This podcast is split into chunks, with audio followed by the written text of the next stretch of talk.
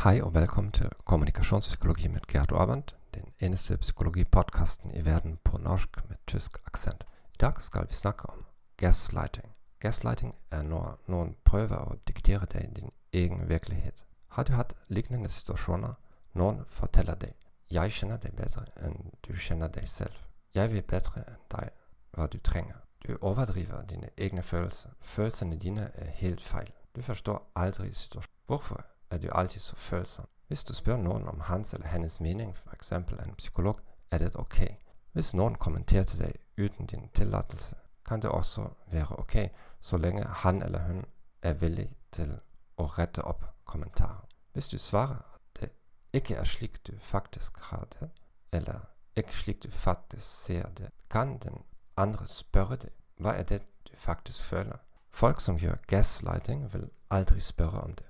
Det later som om de kjenner deg bedre, slik at de kan kontrollere deg. Hvordan kan du reagere? Det første trinnet er å bli klar over det.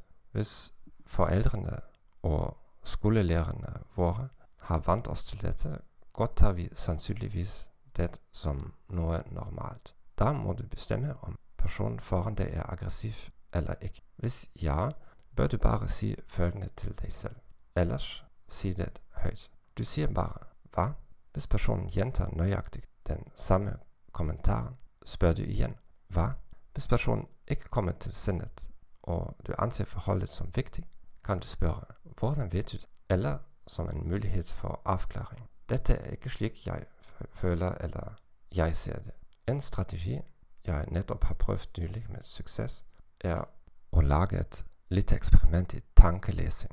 Hvis du kan lese tankene mine, så fortell meg hvilken bok jeg planlegger å lese videre, eller noe annet. Svaret var det er absurd, jeg kan ikke lese tankene. Vel, det er akkurat ideen.